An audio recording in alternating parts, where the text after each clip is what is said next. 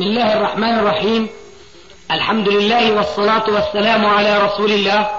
أما بعد فهذا أحد أشريطة سلسلة الهدى والنور من الدروس العلمية والفتاوى الشرعية لشيخنا محمد ناصر الدين الألباني حفظه الله. نسأل الله أن ينفع به الجميع. والآن مع الشريط الواحد والخمسين على واحد. ونحن وقتنا ضيق.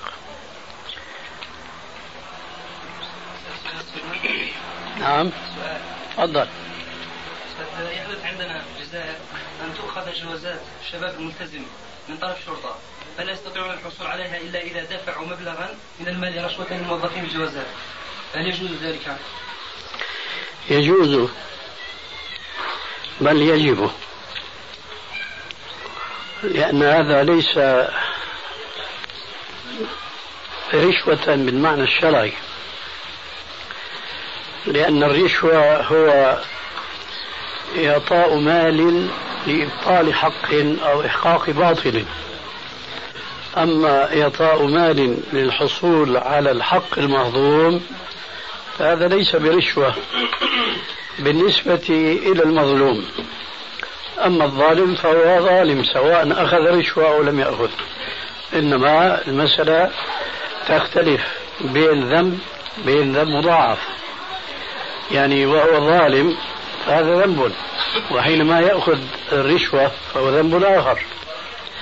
أما الدافع لها فلا إثم عليه لأنه يبتغي من وراء ذلك الوصول إلى حقه المهضوم فإذا يجب أن نحفظ الرشوة ما هي؟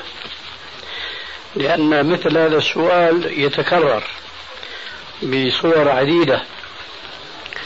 فإذا عرفنا أن الرشوة هو هو مال يعطى لإبطال حق أو إحقاق باطل حينئذ نعرف الجواب عن كثير من المسائل التي يبتلى بها المسلم اليوم. كهذه القضية.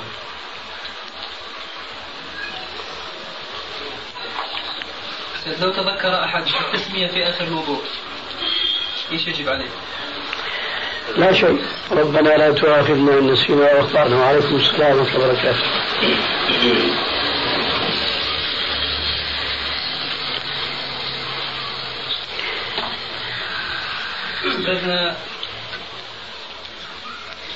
توجد الآن في الساحة الإسلامية عشرات من الجماعات وكلها يعني تزعم أنها سترجع الخلافة الإسلامية أو تسترجع الخلافة الإسلامية.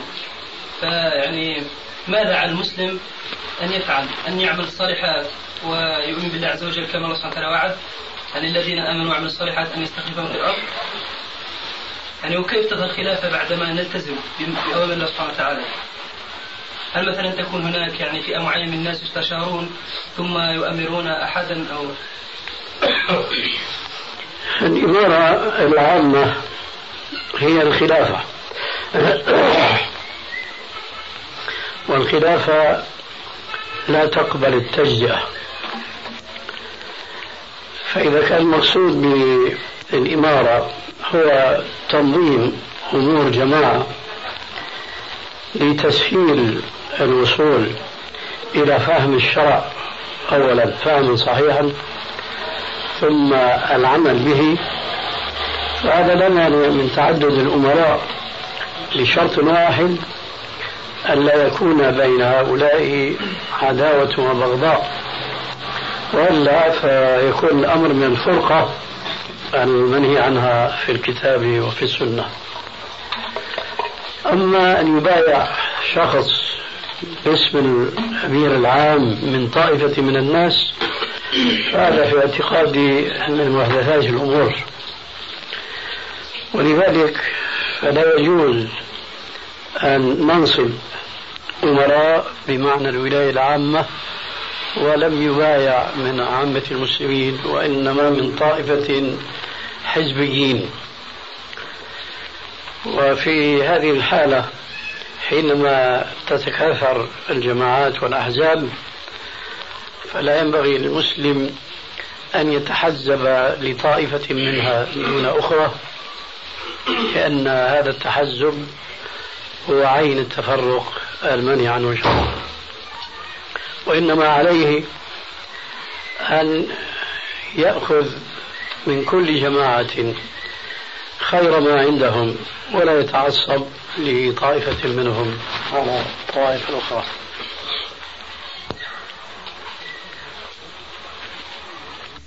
حركة الإصبع في التشهد الصلاة الرباعية. التشهد الأول يعني يدعو المأموم إلى أن ينتهي من دعائه أم يستمر حتى يقوم الإمام يحرك إصبعه ويدعو حتى إيش الإمام يفعل؟ حتى الإمام يقوم للركعة الثالثة أم حتى ينتهي المأموم من دعائه والإمام يعني لم لم يقم إلى الركعة الثالثة.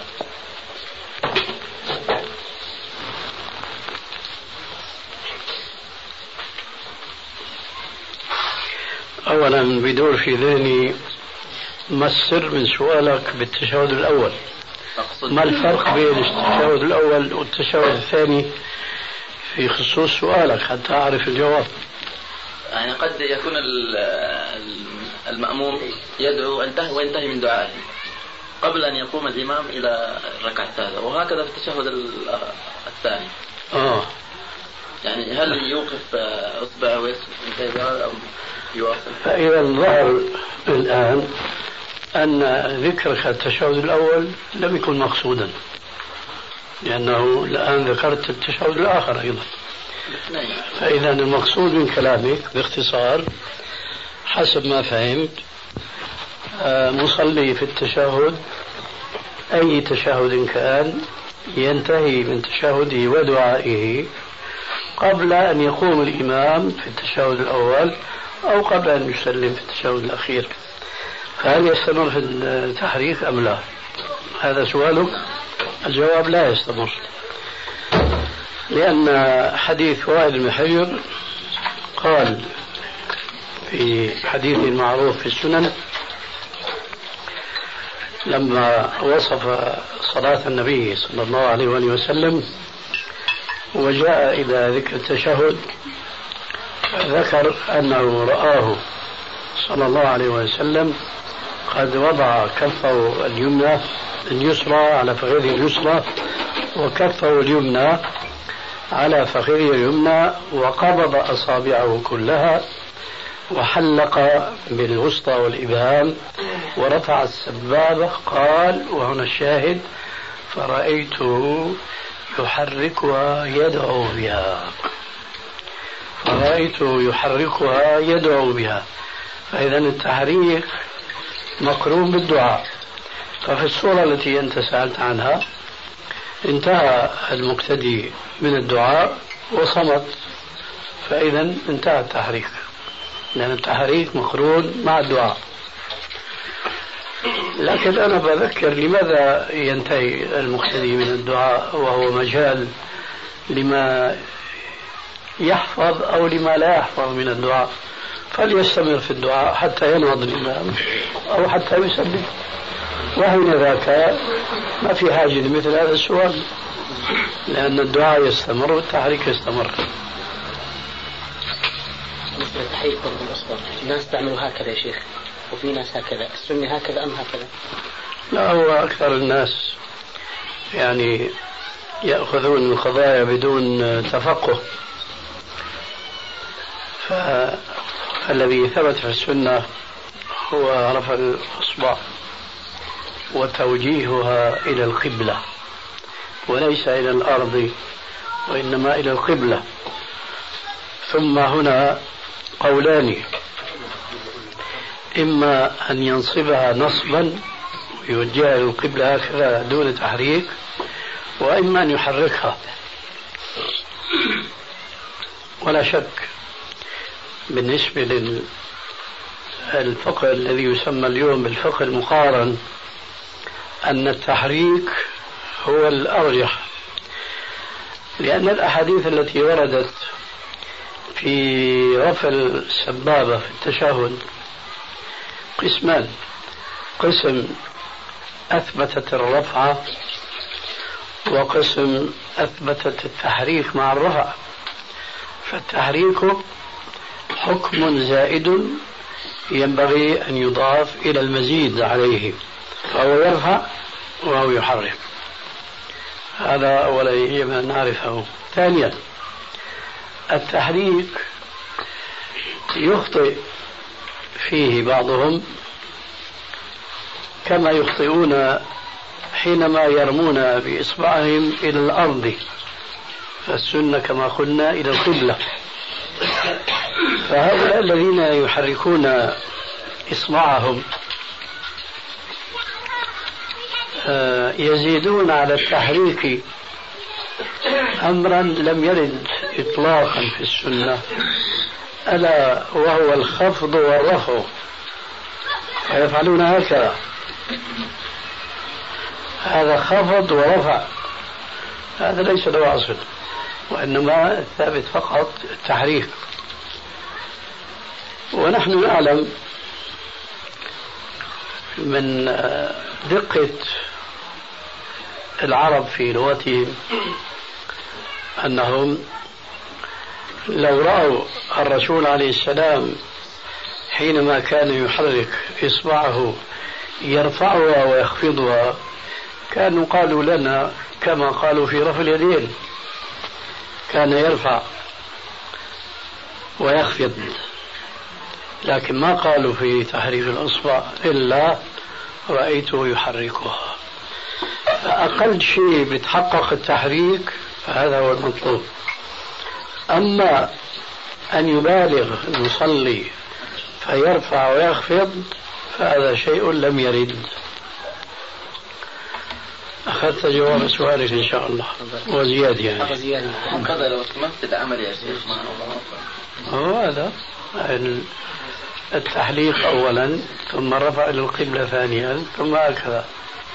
في رواية كان يحركها بشدة؟ ليس هناك رواية أبدا لا بشدة ولا بغير شدة. لا يوجد مثل هذه الرواية. لا يوجد لا يوجد إلا ما سمعتموه آنفا. فرأيته يحركها يدعو بها. لكن ذكرت أنا في حاشية أو في التعليق على صفة الصلاة رواية عن الإمام أحمد يرفعها شديدا. هذا قول الإمام أحمد وليس حديثا انتبهت يا أخانا أيها السائل فاتك الجواب. فنقول أن هذا أثر عن الإمام أحمد أنه يرفعها شديدا وليس حديثا. مرفوعا إلى الرسول عليه السلام. هل ثبت في رواية أن كل حركة فيها حسنة؟ لا هذا ورد في الرفع. نعم. لكن عموم الأدلة تؤيد ذلك لأن كل عمل يفعله المسلم يكتب له عشر حسنات لا أقل. فلما جاء النص في رفع اليدين عشر حسنات كلها كذلك تحريك الأصبع نرجو أن يكون له هذا الأجر. مكسورة بس باردة لا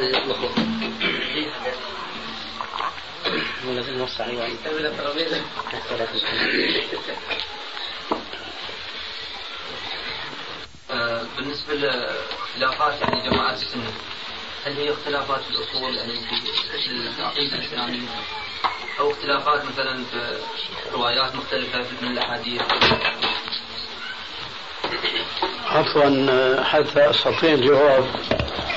آه، ماذا تعني بأهل السنة؟ يعني قديما؟ قديما وحديثا يعني الموجودين الحين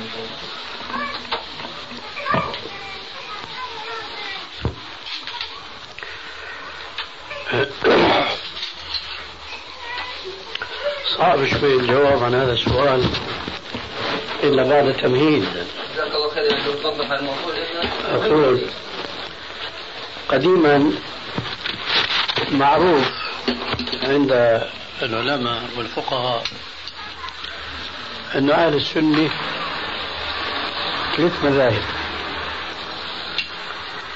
وكل هذه المذاهب تنتمي إلى السنة. بغض النظر عن صوابها وخطئها لكن البحث من حيث الانتماء. هذه المذاهب هي ثلاثة في العقيدة وأربعة في الفروع.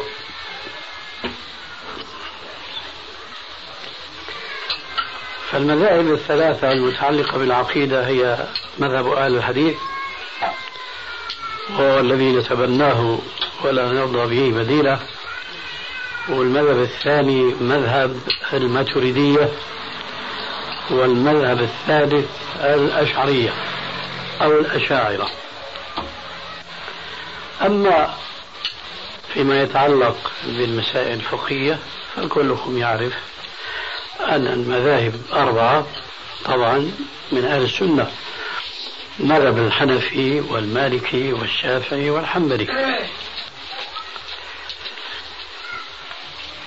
اليوم يختلف بعض الاختلاف هذا التفصيل.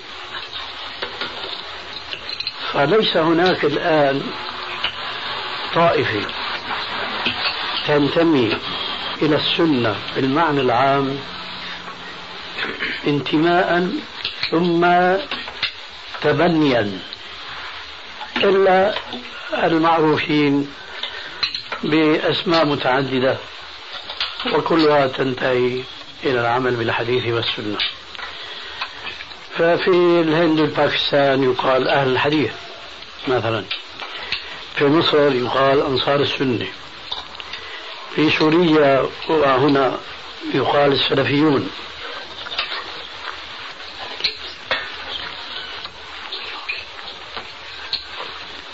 فهؤلاء ينتمون صراحة إلى السنة ولا يتبنون آه، مذهبا من هذه المذاهب بالذات لعلمهم بأن في كل مذهب من السنة ومن الحديث ما لا يوجد في المذاهب الأخرى فإذا هم انتموا لمذهب واحد فقد يفوتهم شيء من الخير الموجود في المذاهب الأخرى. اللهم إلا فيما يتعلق بالعقيدة فهم يتمسكون بمذهب أهل الحديث وأهل السنة وعلى رأسهم الإمام أحمد رحمه الله لأن أهل الحديث فيما يتعلق بالعقيدة يفهمون الكتاب والسنة على منهج السلف الصالح. خلافا للمذاهب الأخرى مما ذكرناه آنفا كالماتريدية والأشعرية. فهم لا يتبنون هذا الأسلوب أو هذا المنهج في فهم الكتاب وفي السنة. أي لا يقولون لا انتماء ولا تبنيا نحن على منهج السلف الصالح في فهم الآيات وفي فهم الأحاديث. بل قد قال بعضهم كلمة كنا نتمنى أن لا يقولها وهي كلمة مشهورة مسلمة عندهم لا شية فيها مع الأسف حيث قالوا مذهب السلف أسلم ومذهب الخلف أعلم وأحكم أعلم وأحكم. فهذا التفصيل بالنسبة لليوم لا ينطبق لماذا؟ لأنك إذا أخذت المسألة من الناحية الأولى أي فيما يتعلق بالعقيدة فأنت نادرا ما تجد من يقول لك أنا أشعري أو أنا حنفي عفوا ما تريدي ما تجد من يقول ليه؟ لأنه مع الأسف الشديد لم تعد العقيدة تدرس دراسة جامعة في المدارس بل في الجامعات إلا لطف متفرقة. وإذا درست ففي الغالب يختلف ذلك باختلاف البلاد التي توجد فيها تلك الجامعات. مثلا في المغرب المغرب كله ابتداء من ليبيا مثلا وانتهاء إلى المغرب فهم يدرسون العقيدة الأشعرية. كذلك مثلا في مصر بينما في البلاد التركية مثلا وكثير من بلاد العاجم قديما يدرسون مذهب الماتريدي لكن اليوم ضاعت هذه التخصصات للسبب الذي ذكرته آنفا كما أنه ضاع أن يقول واحد من عامة الناس أنا حنفي أو شافعي أو مالكي أو حنبلي إلا ما ندر جدا آه لماذا؟ لأنه أيضا لم يعد الفقه يدرس في الجامعات كما كان الفقه يدرس قديما في الحلقات العلمية في المساجد. وإنما أيضا كما نشاهد الآن فلان دكتور متخرج ومعه شهادة في الشريعة لكنه لم يدرس إلا آه، مسائل قليلة متفرقة فيما يتعلق بالفقه. لأن الطريقة السابقة اللي كانت أنفع وأثمر طريقة حلقات لم تعد الآن موجودة مع الأسف في في المساجد. إيه لم يبقى إذا في الميدان الموجود اليوم إلا من ينتمي إلى السنة صراحة ومنهجا سواء في العقيدة أو في الفقه. أما المذاهب القديمة فهي كما ذكرت آنفا ثلاثة في العقيدة أهل الحديث والماتريديون والأشعريون والفقه كما تعلمون اليوم.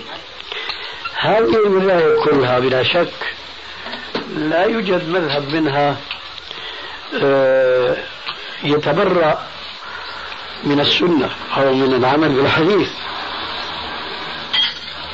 وهذه نقطة في الواقع يجب انتباه لها تصورنا إنسانا مسلما يقول أنا لا أعمل بالحديث فهذا خرج من جماعة المسلمين لأن الحديث هو الذي به يستطيع العالم أن يفهم كلام الله تبارك وتعالى ولذلك أكد هذا المعنى عليه الصلاة والسلام في الحديث المعروف تركت فيكم أمرين لن تضلوا ما إن تمسكتم بهما. كتاب الله وسنتي. ولن يتفرقا حتى يرد علي الحوض. فلا يوجد مسلم يقول أنا لا أخذ بالحديث لكن يوجد مسلمون بالألوف المؤلفة بل وبالملايين من يفعلون ذلك عملا وليس اعتقادا. وقد يجدون له من الأعذار ما يكون عذرا عند الله عز وجل وما لا يكون. فمثلا كثير من المتخرجين من كليات الشريعة آه، لا يتجاوبون مع الدعوة السلفية التي تدعو جميع المسلمين للعمل بما ثبت في السنة. وعدم الالتزام مذهب معين لأن ذلك ما أمر به القرآن والسنة أولا ثم ما أمرت به الأئمة أئمة الفقه ثانيا. فلماذا لا يقفون هذا الموقف مع الجمهور الداعي إلى العمل بالكتاب والسنة؟ يقولوا لك نحن ما عندنا قدرة أو ما عندنا طاقة. هي تحتاج إلى علم بالكتاب والسنة وعلم أصول الحديث وعلم أصول الفقه وإلى آخره. وهذا طبعا بحث طويل ولنا عليه أجوبة كثيرة لكن القصد الآن أن نقول أن الموجود في الساحة الآن لا توجد ناس صريحين يدعون إلى العمل بالكتاب والسنة إلا الذين ينتمون إلى العمل بالحديث والسنة.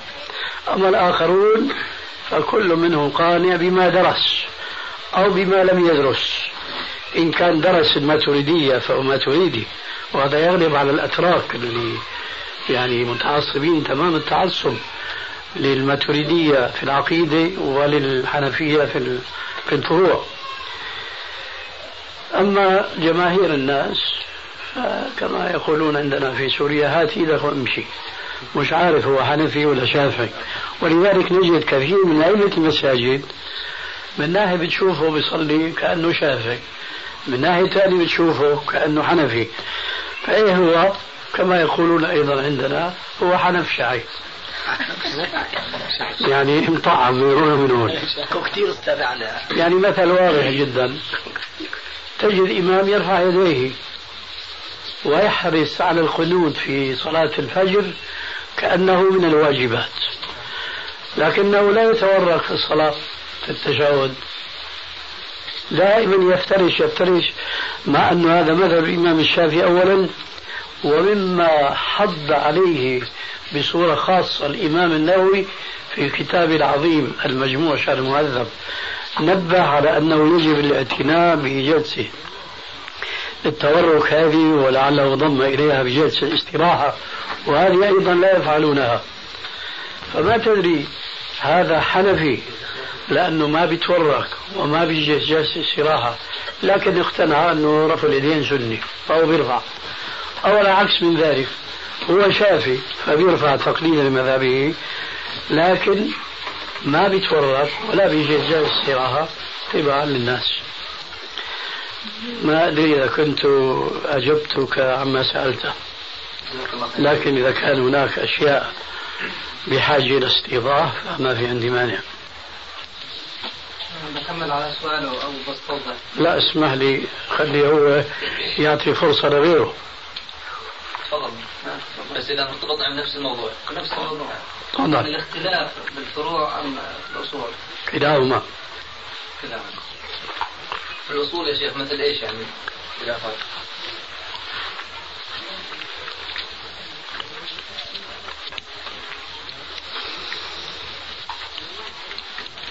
نأخذ المذاهب الثلاثة.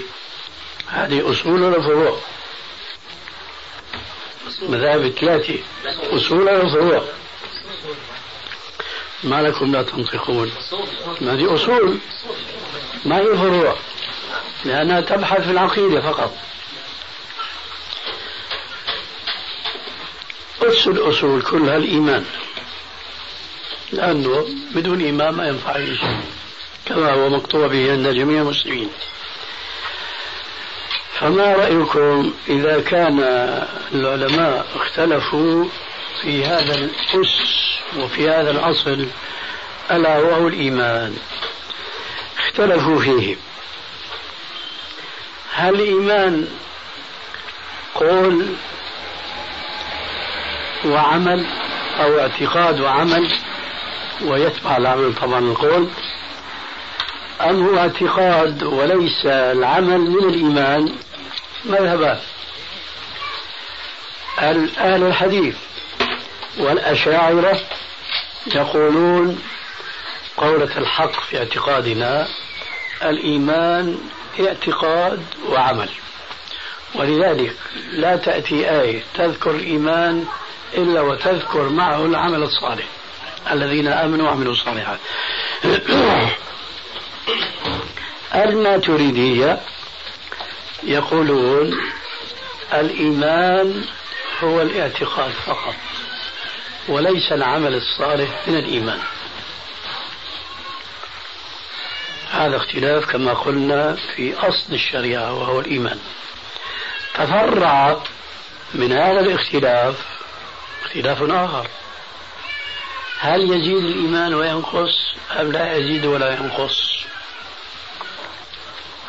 قولان. من السابقين.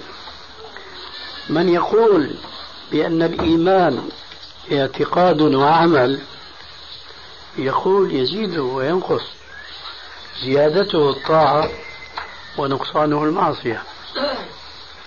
من يقول بأن الإيمان اعتقاد وليس يدخل فيه العمل الصالح يقول لا يزيد ولا ينقص. الآن وصلنا في هذه القضية الهامة إلى أنه يوجد اختلافان أو يوجد مذهبان في العقيدة في الفهم. لكن تفرع من هذا الاختلاف اختلاف فقهي. لا يزال مسطورا في بطون الكتب. وهو هل يجوز لمن يعتقد أن الإيمان لا يزيد ولا ينقص أن يتزوج امرأة تعتقد بأن الإيمان يزيد وينقص أم لا يجوز؟ صدرت فتوى بأنه لا يجوز. لماذا هم الآن بيطبقوا مذهبهم يقولون الذين يقولون بأن الإيمان يزيد وينقص إذا سئل أحدهم هل أنت مؤمن؟ يقول أنا مؤمن إن شاء الله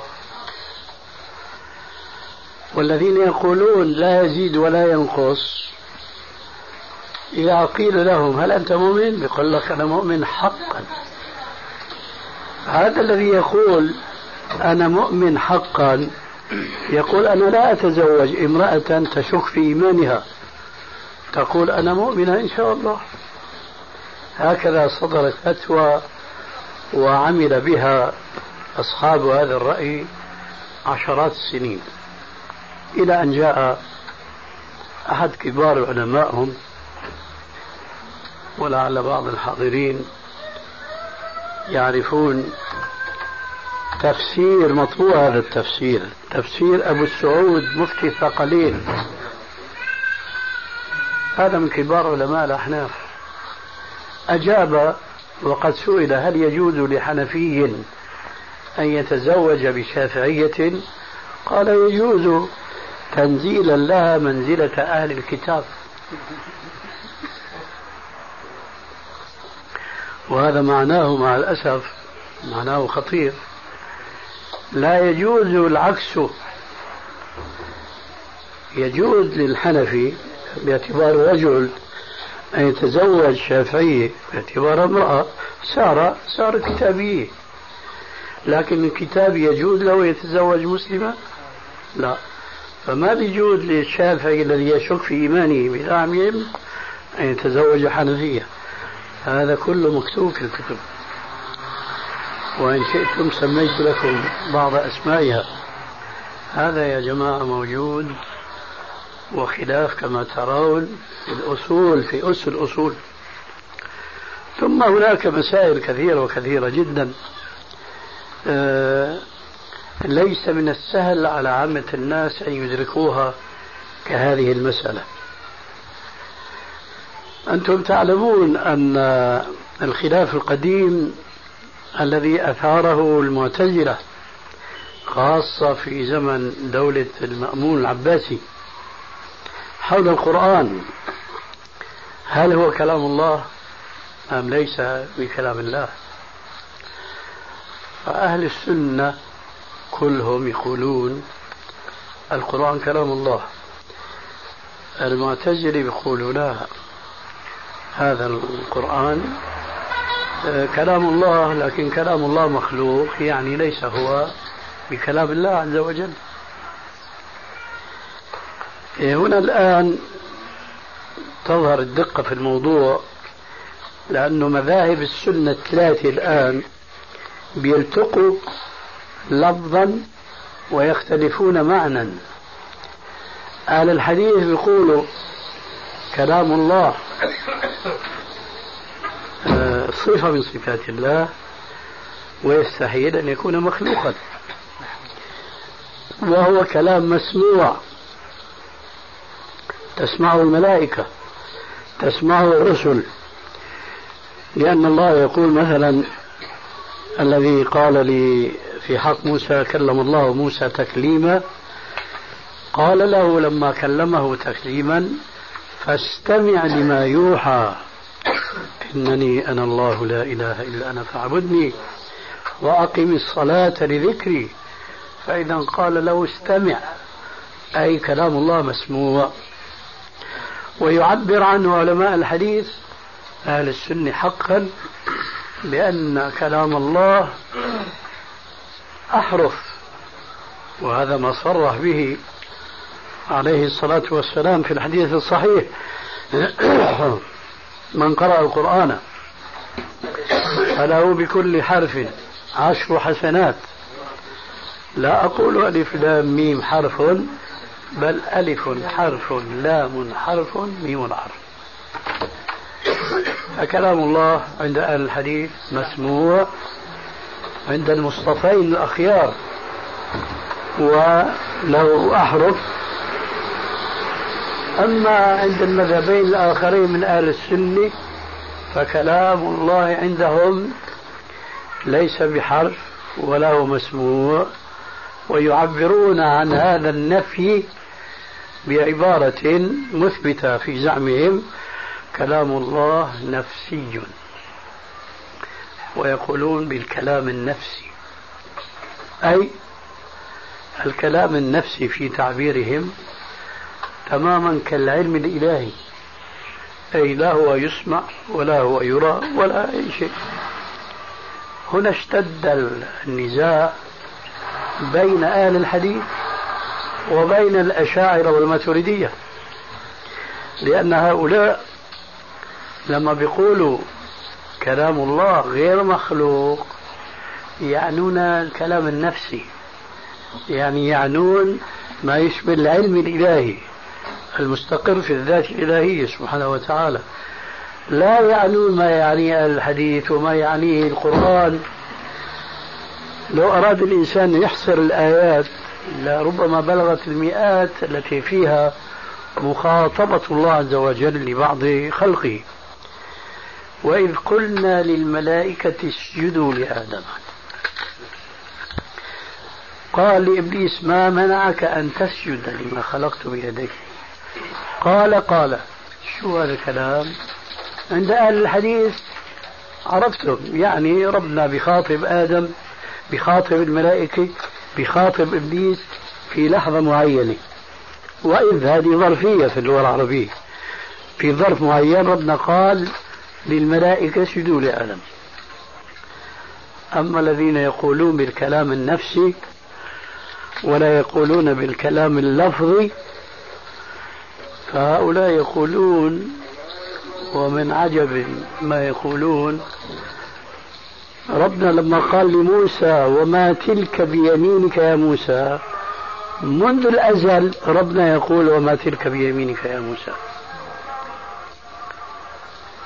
فهذا خلاف الحقيقة يؤدي إلى إنكار معجزة القرآن لأن المعتزلة يقولون صراحة هذا مخلوق. الأشاعرة والماتريدية مع أهل الحديث لفظا مع المعتزلة عقيدة لأن المعتزلة ما بينكروا العلم الإلهي اللي قائم في ذات الله عز وجل وشبيهه ما اختلقوه من الاسم إيش؟ الكلام النفسي. فخلاف الواقع يعني مع الأسف على عكس ما تسمعون تماما. من بعض المحاضرين والدكاترة المعاصرين أن الخلاف يا أخي في الفروع وليس في الأصول. هذا في الواقع إذا ما قلنا تضليل فهو جهل عميق بالشريعة بالكتاب والسنة وواقع المذاهب الإسلامية الموجودة اليوم.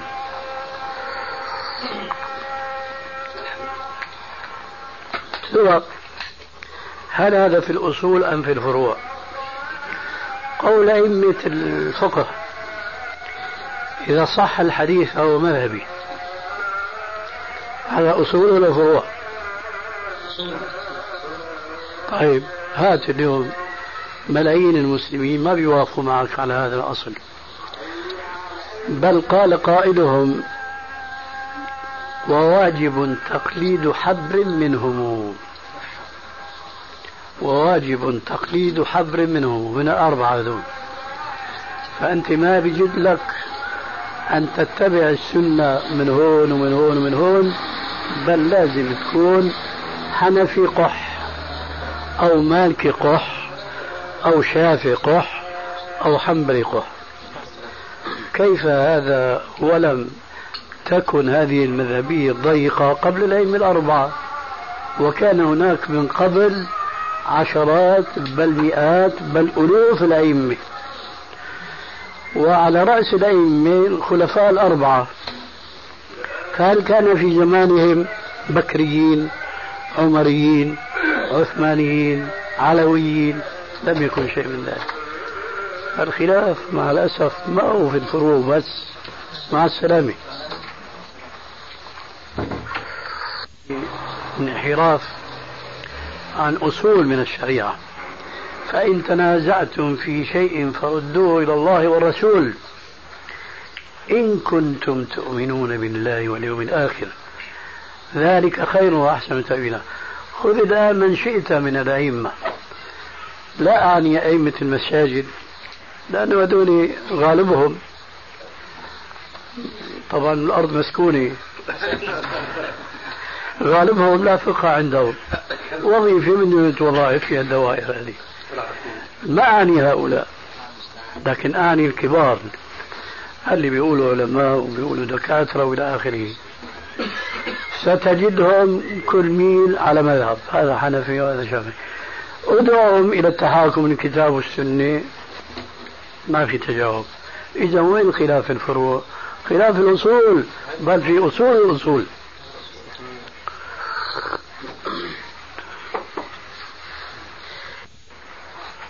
يعني أولى له آه الإنسان أن يتبع هدي الرسول صلى الله عليه وسلم ولا يتعصب لأي مذهب من المذاهب. إيه طبعا بس هنا كمان في في ملاحظة مهمة. نعم. سبحان الله سنة الله في خلقه. إفراط تفريط إفراط تفريط خلافا لقوله تعالى وكذلك جعلناكم أمة وسطا. استمرار جمود المسلمين عامتهم وخاصتهم إلا أفراد قليلين. طيلة هذه القرون المديدة على التمذهب. هذا أوجد ردة فعل. ردة الفعل هذه ابتداء كانت جيدة.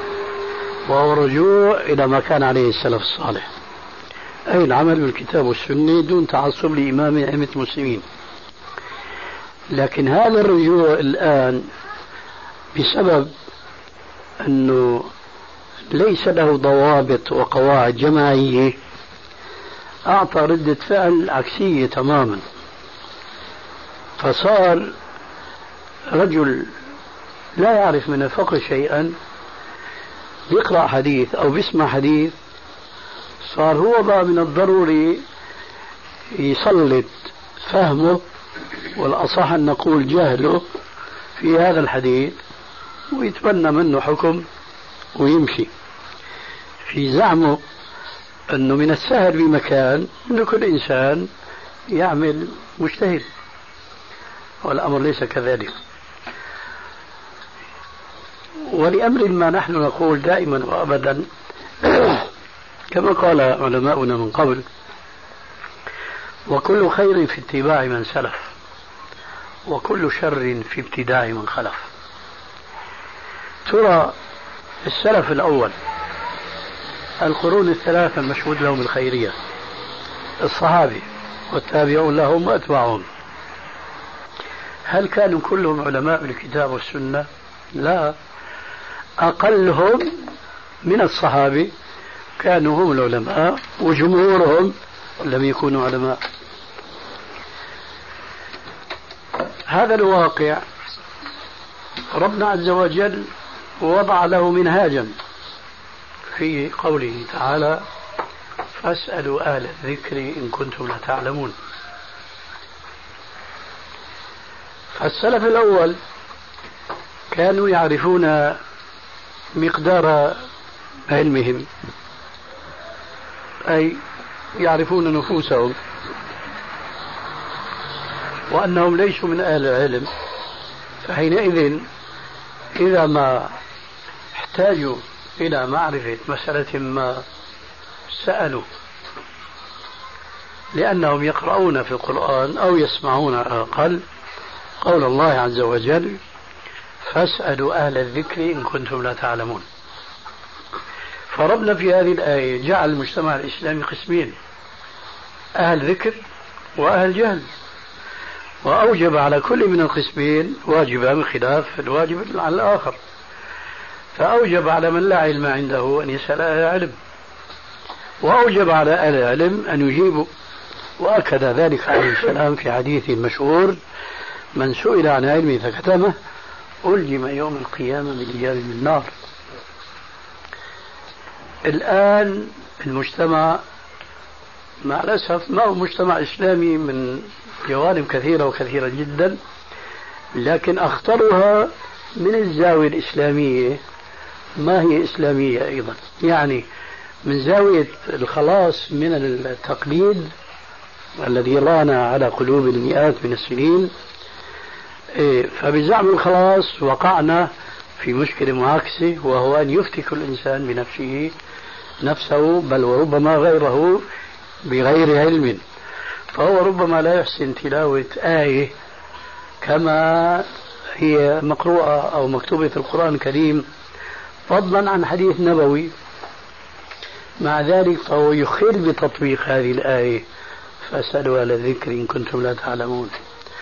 ومن أسباب ذلك فساد الخلق وركوب الغرور في نفوس الناس والعجب فأصبح طالب العلم إن كان طالب علم بمجرد أن يشعر بأنه عنده شيء من العلم صار بقى لسان حاله كما يقولون عندنا في سوريا يا أرض اشتدي ما حدا عليك أدي وهو لا يكاد يفهم من العلم إلا شيئا قليلا جدا. فهؤلاء في واد والمتزمدون المتزمتون الجامدون على تقليد المذهب بل المذاهب في واد آخر والحق وسط بين ذلك وهو تحكيم فعلي للآية السابقة فاسألوا أهل الذكر إن كنتم لا تعلمون. ويقولون هذه في الأحاديث التي تذكر كحديث لا أصل له لكن هو حكمة. من عرف نفسه فقد عرف ربه. فأكثر الناس اليوم لا يعرفون أنفسهم لأنهم ركبهم العجب والغرور. والله أكبر. الحديث اللي بيقول ثلاث مهلكات. ثلاث مهلكات إيش اللي؟ أه؟ أه آه نعم. وإعجاب كل ذي رأي برأيه. شح المطاع. أيوة شح المطاع وهو متبع. وإعجاب. كل ذي رأي برأيه. هذا داء من الأدواء التي نحن مصابون الآن في هذا الزمن. نعم. هذا حديث؟ صحيح هذا. عليك بخويسة نفسك هذا حديث صحيح. لكن دع خويسة نفسك ثلاث مهلكات. نعم. بقى الأسئلة انتهت. خلينا نقوم نصلي. أي شو استفدنا منك نحن أكلنا وشبعنا وانتهينا. استفسار على سؤال الأخ هنا سمعت أحدهم يقول أنه من الجامعات الإسلامية حاليا لا تدرس العقيدة إلا عقيدة الأشاعرة إلا جامعتين الجامعات عفوا من ناحية الدول العربية السعودية وفي قطر. أما مثلا الجامعة الأردنية وجامعات الكويت وكذا إلى آخره فلا تدرس العقيدة الصحيحة. فهل هذا صحيح؟ إيه طبعا هذا صحيح. وهذا ما ألمحنا إليه آنفا. قصد بالتحديد حتى الإنسان يدرك. كثير من اللي تفضلت دكاترة في علم الفقه في كذا في كذا. نعم. فيخرج على التلفزيون فيخرج في المجلات. فيعني لو عرفنا مصادر هؤلاء ومصادر علمهم إن شاء الله نتحرص من فتاويهم أو نقول بهم كذا وكذا. فلو سمحت يعني تعقب على هذا. على كل حال هذا الذي ألمحت إليه هو الواقع وأنا أشرت إلى شيء منه آنفا. لما قلت في المغرب بطوله من شرقه إلى غربه تدرس العقيدة الأشعرية لأنه هناك تلازم واقعي.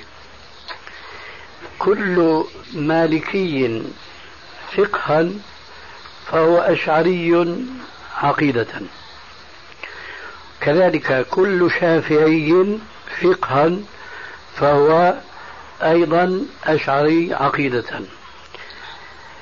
كذلك إلا القليل. كل حنبلي فهو أيضا عقيدة أشعري إلا نوادر خاصة في العصر الحاضر.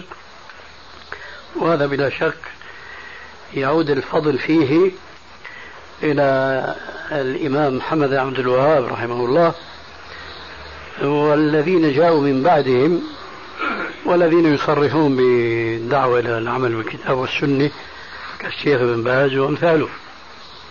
لكن المذاهب الثلاثة هذه خاصة المالكية والشافعية فهؤلاء لا يمكن أن يكونوا في العقيدة إلا أشاعرة. وكل حنفي لزاما أن يكون ماتريديا. لا يمكن إلا هكذا. نعم؟ آه. فلا تجد مثلا حنفي أشعري أو شافعي ماتريدي. هذا مستحيل كواقع. لكن إذا رجعت إلى أهل السنة حقا وأهل الحديث فستجد كثيرين منهم عاشوا في في جو حنفي فروعا وأصولا لكن حينما هداهم الله عز وجل للأصول حقا لم يبقوا أحناف لا في الأصول ولا في الفروع وإنما أخذوا الحق حيثما كان. فمصر يغلب عليها التمذهب المذهب الشافعي. هناك تدرس عقيدة الأشعرية. وقلت آنفا الأتراك ما يعرفون إلا المذهب الماتريدي الحنابلة يختلفون. حنابلة بلاد نجد يختلفون تماما عن حنابلة في بلاد أخرى. مثلا نحن في سوريا. عندنا حنابلة في بعض البلاد الشرقية عن دمشق كضمير ورحيبة ودير عطية ونحو ذلك. هؤلاء في الفروع حنابلة وفي العقيدة أشاعرة. هؤلاء أصابهم ما أصاب الأشاعرة أي تركوا مذهب إمامهم الأول إمام السنة الإمام أحمد وتأثروا بالمذهب مذهب الأشاعرة والآن لا أقول بالمذهب الأشعري لأني قلت آنفا أن هؤلاء أصابهم أي حنابلة سوريا وأمثالهم ما أصاب الأشاعرة. الأشاعرة ينتمون إلى أبي الحسن الأشعري لكن أبو الحسن الأشعري رجع عن أشعريته واتبع مذهب الإمام أحمد بن حنبل. ولو كتاب هام جدا مطبوع عدة مرات اسمه الإبانة في أصول الديانة. مذهب هناك على مذهب أهل الحديث مذهب الإمام أحمد. ليت الأشاعرة يعملون بهذا الكتاب. في كل بلاد الإسلام إن كان في مثلا مصر أو هنا. لأنه ألاحظ أيضا هنا يغلب عليها من ناحية الفروع التمذهب المذهب الشافعي. والكثير منهم لا يعرفون العقيدة الماتريدية بغض النظر عن صوابها وخطاياها بقدر ما يعرفون المذهب الأشعري. فالدراسة في الجامعات في هذه البلاد هي الحقيقة من ناحية الفروع إما جمودا على مذهب معين أو على طريقة ما قلناه نقلا عن الاصطلاح السوري حنف شاعي أو ما يسمى بالاصطلاح الفقهي بالتلفيق. فهناك تقليد وهناك تلفيق. التقليد هو اتباع إمام معين وهذا طبعا لا يجوز بينما التقليد لابد منه. قلنا نحن آنفا في تعليق على قوله تعالى فاسألوا أهل الذكر إن كنتم لا تعلمون أنه عامة الناس بدهم يسألوا أهل الذكر. لكن أهل الذكر فيهم الخير والبركة. مش زيد وبكر وانتهى الأمر. لا فكلما عنا لفرد من أفراد المسلمين أن يسأل عن مسألة ما لازم يتقصد ويتعصب لشخص معين وإنما يسأل من يعتقد أنه من أهل العلم. فحينئذ وجب عليه اتباع لأنه فسألوا على ذكر مشان إيش؟ مشان العمل بقولهم مشان مخالفتهم؟ طبعا العمل بقولهم. فالدراسة الآن التي تسمى بالدراسة الجامعية هو على طريقة التلفيق ويسمونه على قاعدة الحديث الصحيح يشربون الخمر يسمونها بغير اسمها. سبحان الله هذا الوصف تعدى أمورا كثيرة جدا. الرسول عليه السلام تكلم بهذا الكلام بخصوص الخمر. لكن نحن نجد أن هذا الوصف يسمونها بغير اسمها يتعلق بأمور كثيرة وكثيرة جدا. مثلا يسمون بعض البيوع الربوية بيعا. أو يسمونه مرابحة. أو أو من هذه الأسماء الخفيفة واللطيفة والتي لا تنبي من يسمعها عما تتضمنها من انحراف عن الشريعة. أما تسمية الرقص والتصوير بالفنون الجميلة هذا كلكم يعلم ذلك. الآن يدرس الفقه باسم الفقه المقارن. هذا عظيم جدا لو كان في مقارنة. لكن الحقيقة هو التلفيق بعينه. لأن الذي يقع أن الدكتور المختص في الشريعة بيقرر المسألة على وجوه الاختلاف الموجودة في المذاهب. أخذ شهادة؟ شو صار؟ دكتور طيب هذا الدكتور هل اللي تلقنه هو اللي بده يلقنه لغيره؟ وهكذا. فليس هناك علم يدرس باسم الفقه المقارن. الفقه المقارن أن يقال مثلا مثلا مسألة يبتلى بها الناس كثيرا. وتكثر الأسئلة حولها. لشدة البلوى بها كما يقول الفقهاء وهي أن رجل مثلا مس امرأة قصدا أو عفوا انتقد وضوءه ولا لا؟ الدكتور اللي بيدرس الفقه المقارن بيقول لك في المسألة ثلاثة أقوال. هذا الذي يجب أن يكون يعني. القول الأول أنه مس المرأة لا ينقض مطلقا سواء كان بشهوة أو بغير شهوة. القول الثاني تتمة الكلام في الشريط التالي. القول الثالث إن كان بشهوة نقض وإلا فلا. فهو فهو ما عنده استطاعة يعمل مراجعة. يعني يقول هذه الأقوال ويقف. بس. لا ما يقف لكن بيزيد البلطي والطنبور نغمي. بيقول له